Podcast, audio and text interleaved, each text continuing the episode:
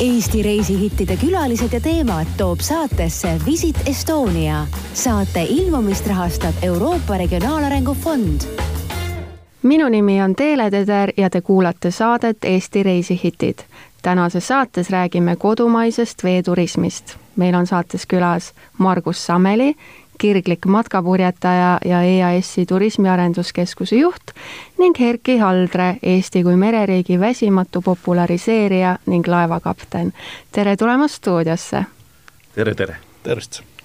kindlasti küsimus, millest tuleb teiega intervjuud tehes äh, alustada, on, et millal te viimati vee peal olite? mina olin äh, eelmise nädala kolmapäeval, kuna ma olen Pärnu jahtklubi mees, siis äh, kolmapäeva sõit ja natuke varem siis mul oli puhkus kaks nädalat, ühesõnaga peale laulupidu, et siis kaks nädalat sai viidud laulupeolt jahti Pärnusse. kas selline korra nädalas äh, vee peal käimine on niisugune okei okay.? see on väga okei okay,, kui riigiametniku kalender võimaldab kuidas sinuga, Erki, lood on? no mina olin viimati vee peal vähem kui kaksteist tundi tagasi. ja praegu on suvi kuigi ega siin suurt vahet enam ei ole, kas see on suvi või talv, äh, meresõit on ikka vahva tegevus ja ja see meeldib mulle ja äh, jumala abiga see meeldib ka väga paljudele teistele inimestele, mis meid väga, väga rõõmustab selle tegevuse juures. aga millised on need peamised veekogud, äh, kus teid näha võib? no mind võib, ongi, et kuna mu pere on lauljad ja tantsijad, siis iga viie aasta tagant võib neid näha Eesti vetes kui ma jahiga üldjuhul toon ta siis Pirita jahtklubisse ja siis pere käib sealt laulmas ja ma ise ka aktiivselt jälgin seda, ja siis ma lähen kuskile, ma ei tea, ida poole või lääne poole, aga, aga need vahepealsed aastad siis ma üldjuhul purjetan kas Soome või Rootsi vetes. no mina ikkagi tegelen äh, kommertslikul viisil meresõiduga, ehk siis sõidutan turiste ja, ja linnarahvast, kõiki neid, kes tahavad merele minna ja merevõlusid nautida ja äh, meie sõidurajoon on valdavalt äh, siin Tallinna lähiümbruses äh, Põhjaranniku saared, aga ka lähimeri ehk siis Soome, Saaremaa, Läti, mis jääb siia Eesti ümbrusesse. aga kuhu sa oma nii-öelda vabal päeval sõidaksid? käimata on veel Arktikas, ülejäänud ookeanid ma olen läbi käinud, nii et ma vabal päeval hea meelega sõidaks Arktikasse mis saab aga siis, kui äh, te pole pikka aega vee äärde ega vee peale saanud? no vaata, on üks ilus ütelus, et laevad ja mehed mädanevad ainult sadamas seistes, kui nemad saavad merd sõita, siis nemad säilivad heasti. seda ma alati ütlen kõigile naistele, kes äh, üritavad oma meestele väita, et ära nüüd mine sinna selle paadiga sõitma, meil on vaja hoopistükkis suvilas seal muru niita või midagi muud sellist teha, et äh, naised, kui te tahate, et teie mehed hästi säiliksid, siis laske nad merele tervislik on siis äh, lasta nad äh, merele, mitte just. suvilasse tassida? just täpselt, jah. selge Lo. loodusega jah, ei ole mõtet nagu sõdida, on ju. aga minul on see, et kuna mul on ka vana puulaev, viiskümmend neli aastat vana, noh, mis ei ole väga vana, on ju, Skandinaavia mõistes ta ei ole tegelikult üldse vana, aga Eesti mõistes juba midagi on. et äh, siis, kui merele ei saa, siis ma üldjuhul putitan seda, sellepärast et kahjuks on meil laevaehitusmeistrid ka nii äh, näpuotsaga loetud, nii et ma üldiselt olen jah, sunnitud nüüd ise ehitama laeva, nii et tallu läheb nagu ehitamisele. nii et tegevust äh, jagub? tegevust puulaeva peal jagub alati. jah, ennem lõpeb äh, meres vesi otsa kui laevas töö. kui populaarne on äh, veeturism äh, Eestis? ta ikka on, et äh, ütleme niimoodi, et ega meil seda statistikat väga head ei ole aga ütleme, et aluseid, kes siin liiguvad erinevates Eesti sadamates, noh, neid loetakse kuskil kaksteist kuni viisteist tuhat suurusjärk ja võimalik, et siis mingi nelikümmend viis, viiskümmend tuhat inimest. Nendest nüüd alustest äh, põhiarv on ikkagi välismaalased, kuskil kaks kolmandikku on siis välislippude all. Ja nendest siis kõige suurem seltskond on ikkagi soomlased, noh, mis on väga loogiline, et meie, meie naabrid nii et noh, purjetamise koha pealt ma ütleks, et purjetamine on populaarne, aga kindlasti on ka väga palju teisi veeliseid tegevusi, mida Eesti siis kaldajoon võimaldab. teatavasti meil on natukene madal, võrreldes siin Skandinaavia riikidega või noh, Soome ja Rootsiga, aga, aga tegelikult noh, näiteks kajakid või mis iganes lohesurf või mm -hmm. neid võib ka teha suhteliselt madalas vees. et ikkagi Eestis võib, võib teha kõike ja ta on suhteliselt populaarne. Mina muidugi panen tähele väga huvitavat fenomeni Eestis. ma olen iga päev mere peal. alates äh, aprilli lõpust kuni oktoobri äh, alguseni meil siin Eestis ja siis ka veel äh, detsember-jaanuar takkapihta. aga mida ma näen? ma näen väga huvitavat asja. Eesti jahtklubid on jahte täis. ilusad jahid seisavad. mere peal näen ma neid väga vähe. ma näen Eesti lipuga jahte siis, kui on võistlused. aga millest Tallinnas, see tuleb? ma kohe räägin, millest see tuleb, mina olen ise vana võistluspurjetaja. ja äh, vanal nõukaajal oli selline asi, et eh, sport oli Nõukogude Liidus au sees, aga meri oli kinni ja seega merele said ainult need, kes siis tegid sporti ja tõid au ja kuulsust Nõukogude riigile. ja mingisugust niisugust äh, perekonnaga purjetamist, seda siin mere peal väga ei juhtunud, see juhtus küll Peipsi järvel ja Võrtsjärvel, Pärnu lahes ka natukene, aga, aga ikka päris mere peal seda ei juhtunud, aga mingil põhjusel meie juba kolmekümneaastases ise, iseseisvas Eesti Vabariigis on säilinud üsna tugevalt veel selline asi, et jahid, ilusad jahid, mis seisavad sadamates, kuuluvad grupile seltsimeestele, kes on võistluspurjetajad. Võib-olla nüüd juba üsna paljus hallipäised, aga, aga need on kallid jahid, millel on väga hea purjevarustus, väga hea võistlusvarustus ja need jahid ei ole ostetud selle jaoks, et naise ja koeraga minna siis pühapäeval kuskile purjetama ja niimoodi nemad sõidavadki võistlustel aga seda kruiisi purjetamist, seda traditsiooni meil ei ole kunagi olnud. erinevalt siin Soome, Rootsi naaberriigid, ja see on väga visa tulema. Neid, kes siin tõesti naise ja koera ja lastega lähevad purjetama, neid äh, tuleb juurde, aga väga vähe tuleb juurde ja põhiline, mida me, mina meie vetes näen, on äh, võõra lipu all jahid. aga sadamad on täis Eesti lipu all jahte aga kui nüüd rääkida inimestest, äh, kes äh, sinu laevade peal sõidavad, siis kui palju sa näed äh, nendes siseturisti? üsna palju on siseturisti ja see siseturisti arv kasvab. kui me alustasime oma meresõidutegevusega, see oli aastal kaks tuhat kaks, vana purjelaevaga Iiris, mis võttis peale tervelt kolmkümmend kuus reisijat, noh siis sellest ajast me oleme muidugi edasi kasvanud natukene, need numbrid on meil edasi kasvanud, aga Äh, Eesti turisti osa on, siseturisti osa on kasvanud võrreldes välismaalastega, kuigi mõlemad numbrid kasvavad kogu aeg. Ja need on inimesed, kes tahavad tulla merele, aga kellel ei ole paati ja kellel ei ole sõpra, kellel on paati. Ja nemad saavad siis osta pileti ja tulla merele. siia alla ei kuulu mitte ainult see, et inimene saab teha siin väikese meresõidu kuskilt sadamast välja, aga väga oluline on ka kuskile saarele minek, mille juures see sõit saarele väga oluline asi, ma toon praegu hetkel hea näite, hetkel käib just Nargen festival Naissaarel.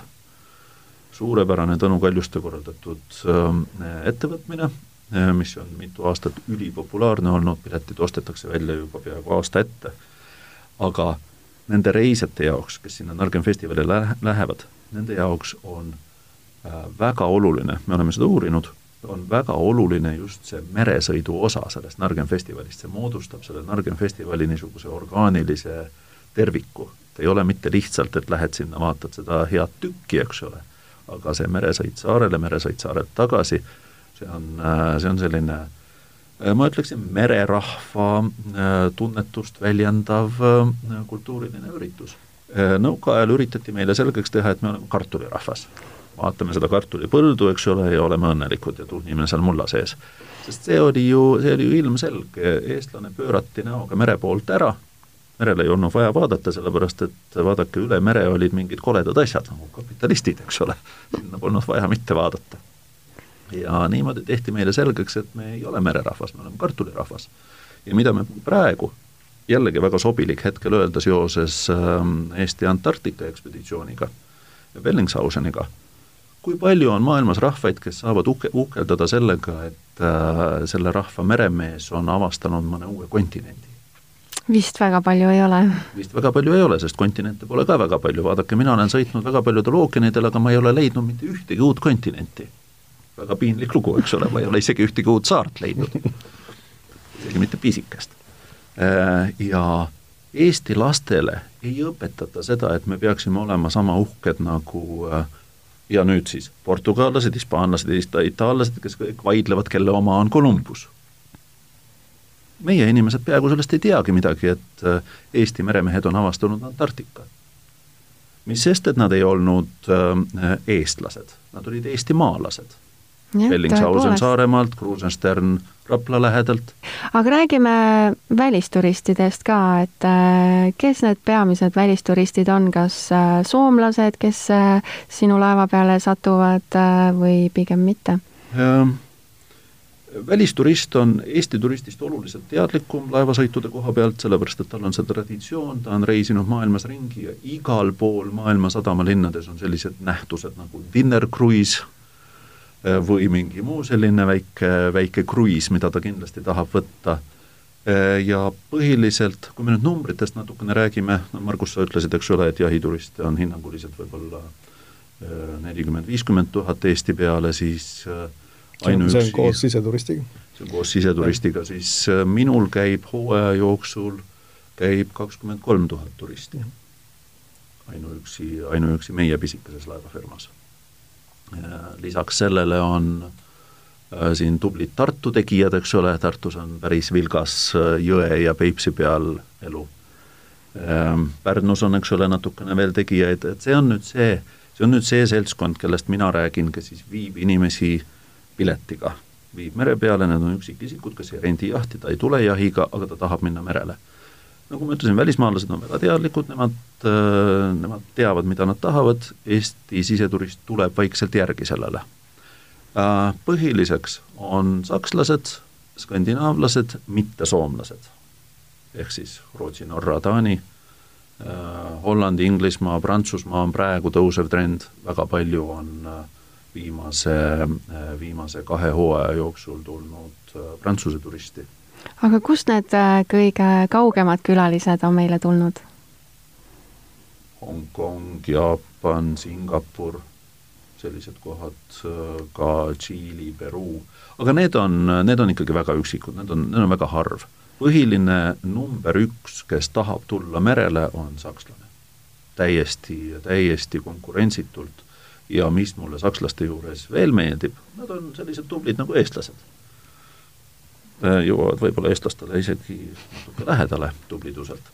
Äh, nimelt neid ei heiduta ilm hmm.. Äh, kui me eestlaste puhul, ja eestlased on siis meie kliendigrupis tegelikult ainukene, kes viriseb kõige rohkem ilma üle mingis osas, et äh, täna on ikka halb ilm, jätame selle sõidu ära ja võib-olla siin hispaanlased, prantslased ka nurisevad vahel, et täna on halb ilm, et mis me nüüd teeme, aga nad ei ütle ka, et jätame sõidu ära, küsivad, mis me nüüd teeme ehm,. Eh, siis sakslane on plõksti paigal ka siis, kui on tüüpiline Eesti suveilm, kus vihm sajab horisontaalselt. aga ma saan aru, et sinuga siis eh, saab ikkagi iga päev igasuguse ilmaga merele? jaa, teate, Eestimaa kliima on imeilus alati läbi akna vaadatuna õige, õige ta on. aga milline veesport on Eesti veekogude jaoks ideaalne, mis te arvate?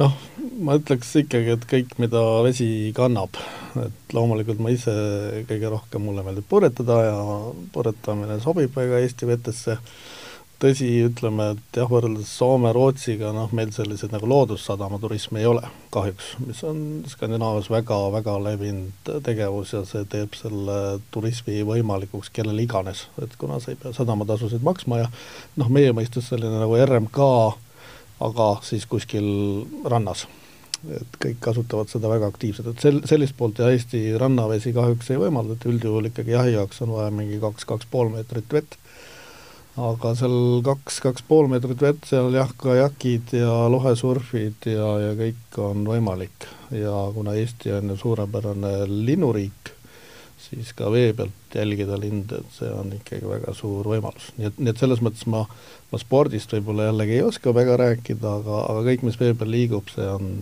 teretulnud ja sellega tasub tegeleda.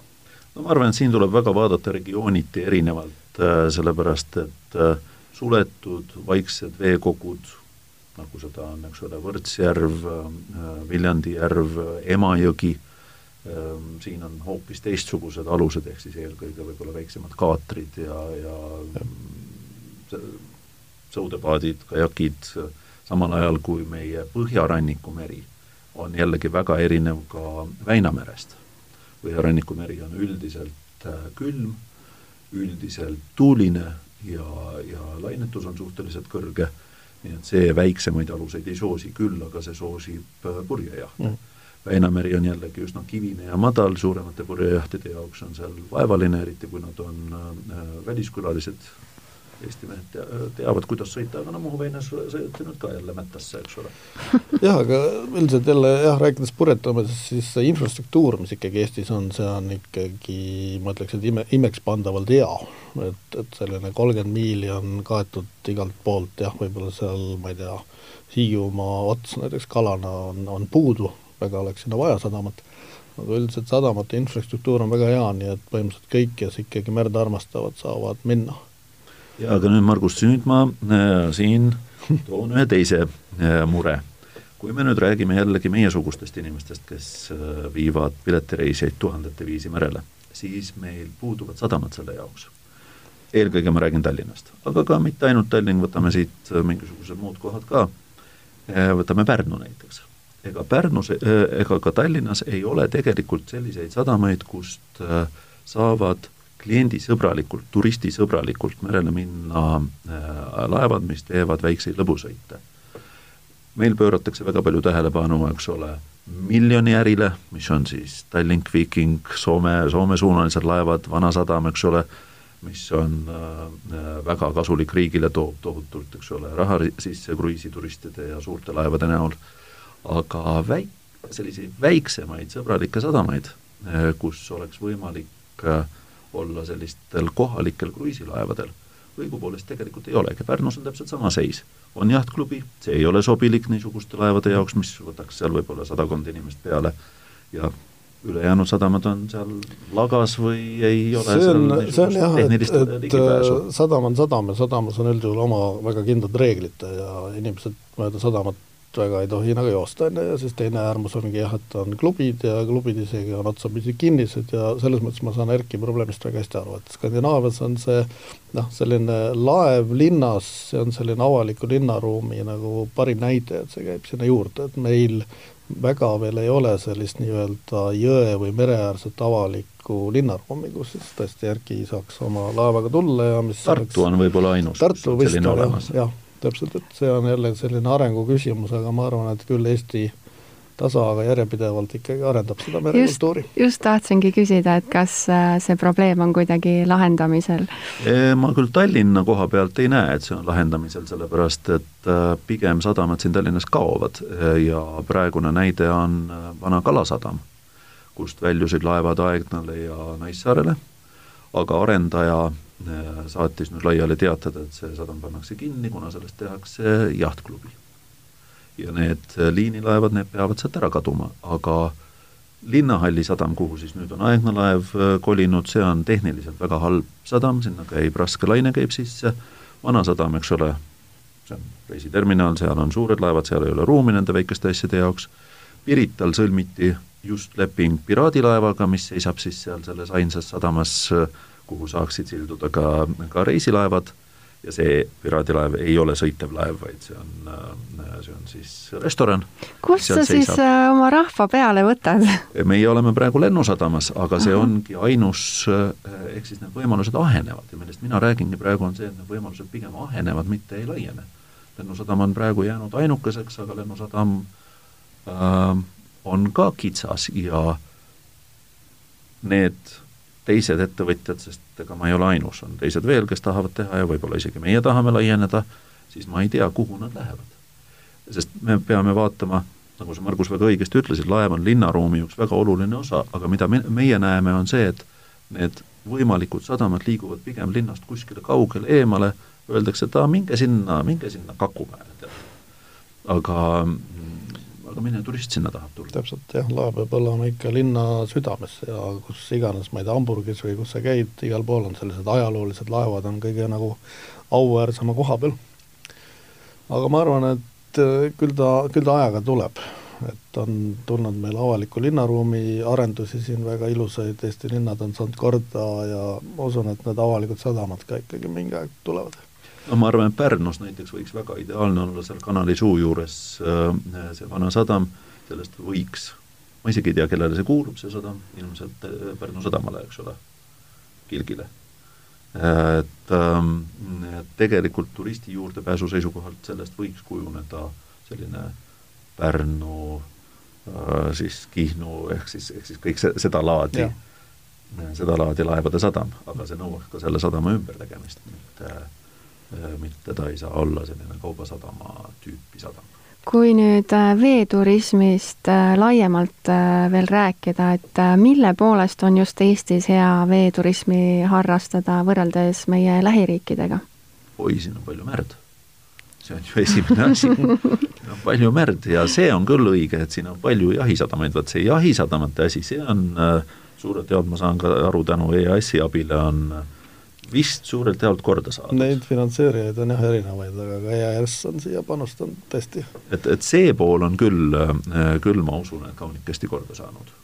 tulles küsimuse juurde tagasi, et äh, jah, et meil, meil on äh, võrreldes siin, ma ei tea, Soome-Rootsiga on, on teha küll ja nagu ma ütlesin, sadamad on väga head tõesti sellega nüüd, et sa sildud sadamas ära ja läheksid siis kuskile edasi, ma ei tea, suurepärasesse restorani või tege-, tegeleksid mingi, ma ei tea, kultuuriatraktsioonidega, et see, see natukene võtab aega, ähm, kus on võib-olla selline kitsaskoht täna, et võrreldes näiteks Soome-Rootsiga ütleme, et hinnaliselt äh, see, mida sa näiteks saad kahekümne euro eest Eestis või see, mida sa saad kahekümne euro eest Soomes, siis Soomes sa saad oluliselt rohkem, see on äh, on tõsiasi ja seal on ka see, et seal on lihtsalt see purjetajate mass on oluliselt suurem.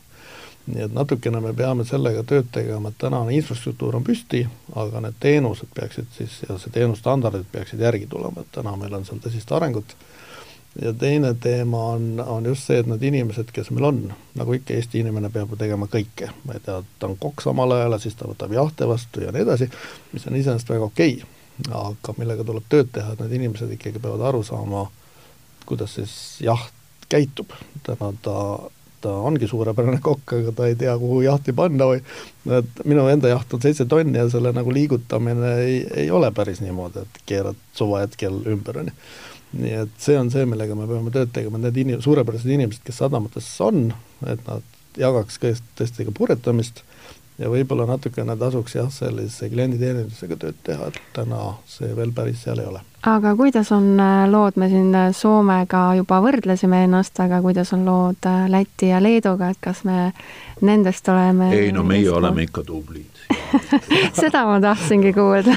No nii palju ma võin öelda, et, et kui keegi on veel Eestist kallim, siis Läti, tõesti, et mhm. Läti sadamad on veel kallimad ja, ja seal veel vähem ja neid on veel vähem. ja, ja kuna Lätis ei ole saari, on noh, üks kunstsaar, aga aga ütleme, et seal purjetamine on suhteliselt ikkagi igavam kui Eestis. ma mäletan, kunagi me tegime äh, lätlastele Riiast tegime väljasõite Ruhnu saarele ja siis äh, ma siit Tallinnast pakkisin liiva, pakkisin kottidesse, siis ma müüsin neile äh, kotiga Ruhnu saare liiva, et nad saavad selle ja sealt tuli, sealt tuli esimene miljon? jah, just täpselt me oleme nüüd väga palju rääkinud sellest, mida saab teha vee peal, aga milliseid tegevusi pakuvad meie väikesadamad? no Margus, sinul on seal äh, ligidal on Kihnu, Manilaid, Ruhnu natukene kaugemal, aga tõenäoliselt ka väga äge sihtkoht Pärnust. on. Ei, ongi, et väga huvitavaid sadamaid ja järjest rohkem tuleb ka neid tegemisi, et noh, ma ütleks, et Eesti selline sadamate restoranid on juba täitsa niimoodi ma jällegi võrdlen soomlastega, siis ma ütleks, et meie restorani tase on päris hea.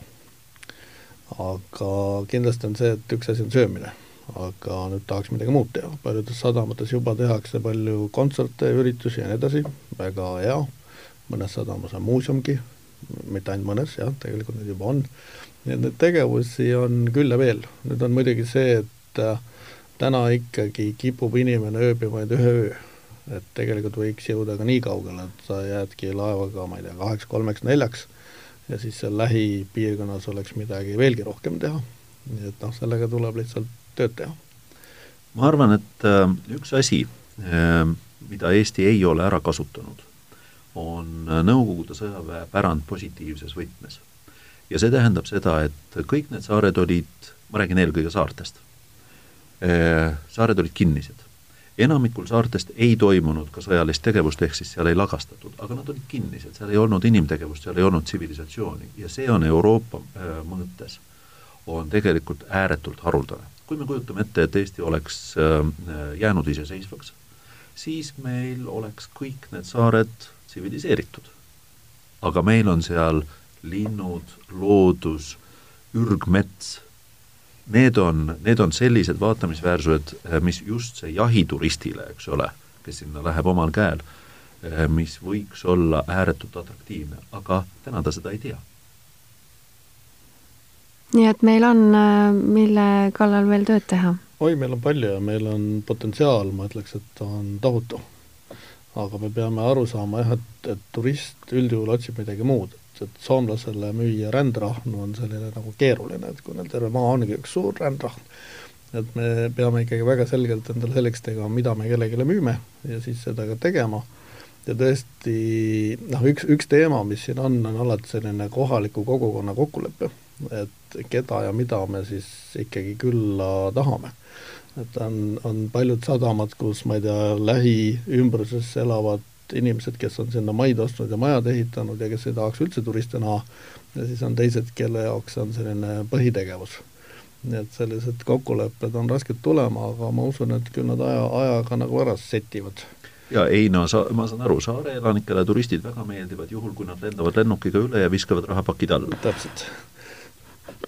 või, või tulevad praamiga ja jätavad sadamasse kilekoti. kohvritega Aga... et meie töötame põhiliselt Naissaare suunal mm, -hmm. mis on jällegi kombinatsioon ürgmetsast ja, ja väga rikkalikust militaarajaloost, mis, mis on muutunud järjest atraktiivsemaks, aga jällegi, nagu ma enne ütlesin, mitte nii palju tänu Eesti vägevale turundustööle, aga eelkõige sakslaste vägevale turundustööle sakslaste ja isegi soomlaste, et soomlased ka otsivad sellist Nõukogude sõja militaarajalugu väga aktiivselt ja, ja see on jah teema, mida, mida minu meelest me ei, ei peaks häbenema.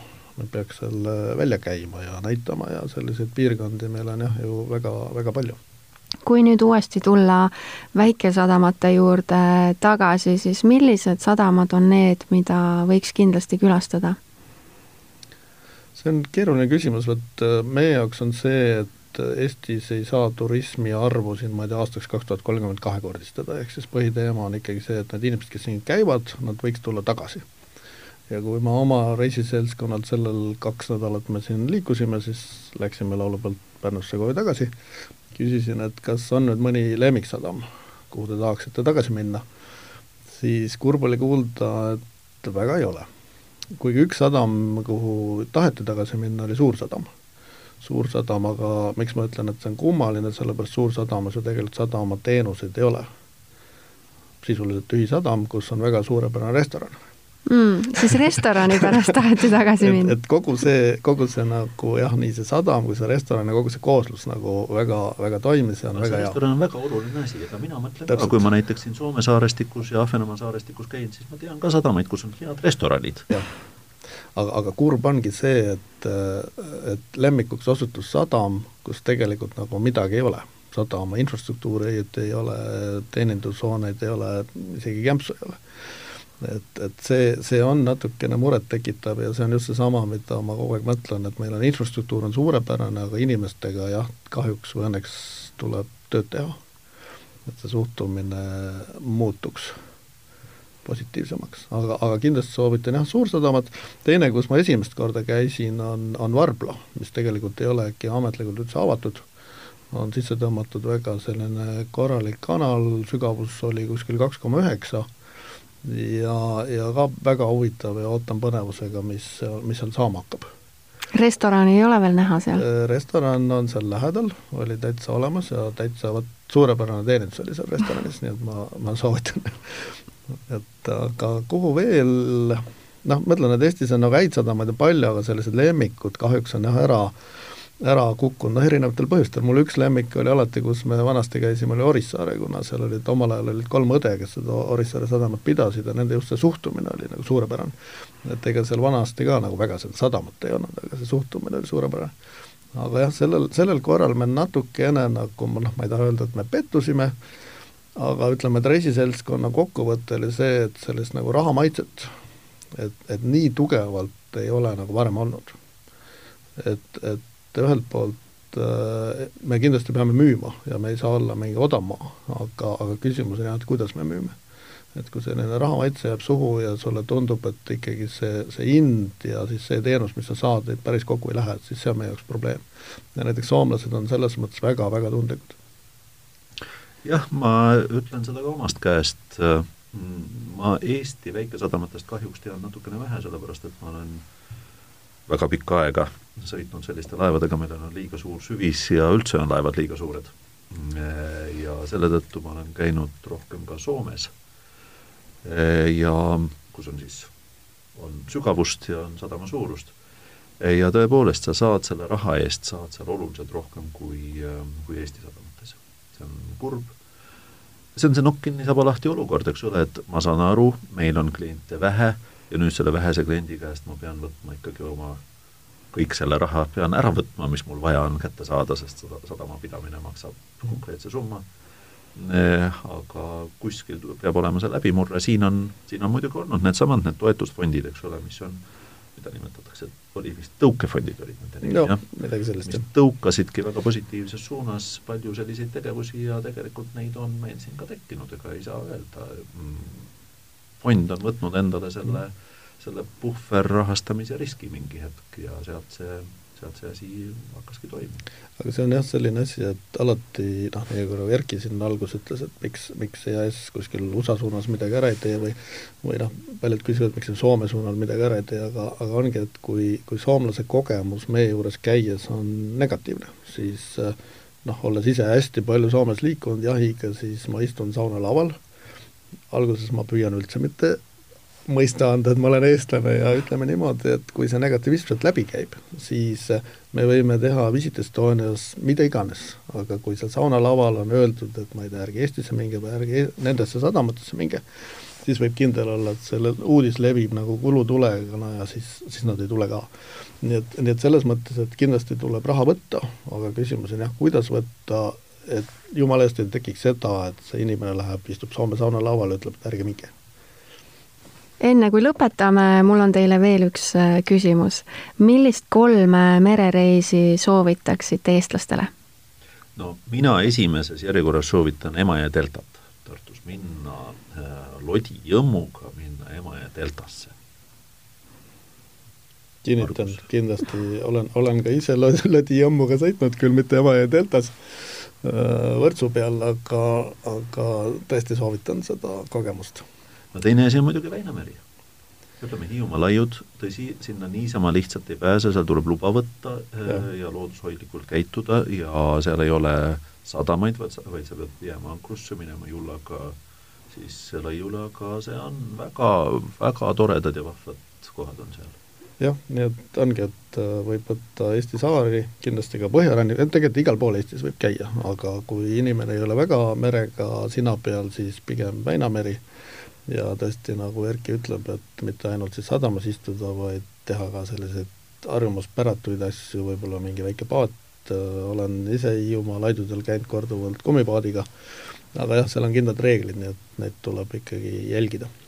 Ja no mina muidugi oma meta otsast vaadates äh, promon äh, siin Tallinna lähedaseid saari, eelkõige Naissaart oma rikkaliku militaarajalooga, mis on just sel aastal saanud kõvasti täiendust, ehk siis taas avati rongiliiklus. äh,, taas avati võimalus ronida äh, tuletorni vaateplatvormile neljakümne viie meetri kõrgusele, kust äh, näed ka Soomet.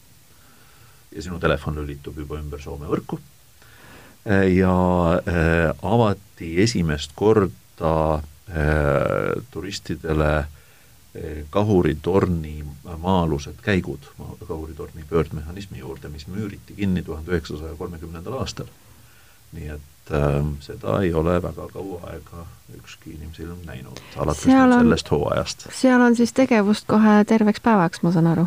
seal on tegelikult tegevust mitmeks päevaks, aga äh, ekspresskorras äh, saab ühe päevaga ka need asjad seal üle vaadata, aga see on, see on hästi põnev sihtkoht. ja muidugi, kui äh, suvi saab läbi, siis meie teeme nais-, jätkame veel Naissaare sõitusid septembris-oktoobris, on seenereisid, seal on hästi rikkalikud seenemetsad ja kui me nüüd jälle tuleme välisturisti juurde tagasi, aga ka siseturisti kasvav nõudlus on jõulukruiiside järgi detsembris. mis seal siis jõulude ajal toimub? Nii nagu igal pool maailmas, jõulude ajal süüakse hästi, kuulatakse head muusikat ja vaadatakse mööda libisevaid ilusaid Tallinna torne, mis on kenasti valgustatud Erki ja Margus, suur tänu stuudiosse tulemast! kui tahate Eesti veeturismi kohta rohkem infot saada, siis kindlasti külastage kodulehte www.puhkaeestis.ee. järgmises saates võtame ette meie saared. oodata on häid uudiseid nii Saaremaalt kui Hiiumaalt, kuulmiseni! Eesti reisihittide külalised ja teemad toob saatesse Visit Estonia. saate ilmumist rahastab Euroopa Regionaalarengu Fond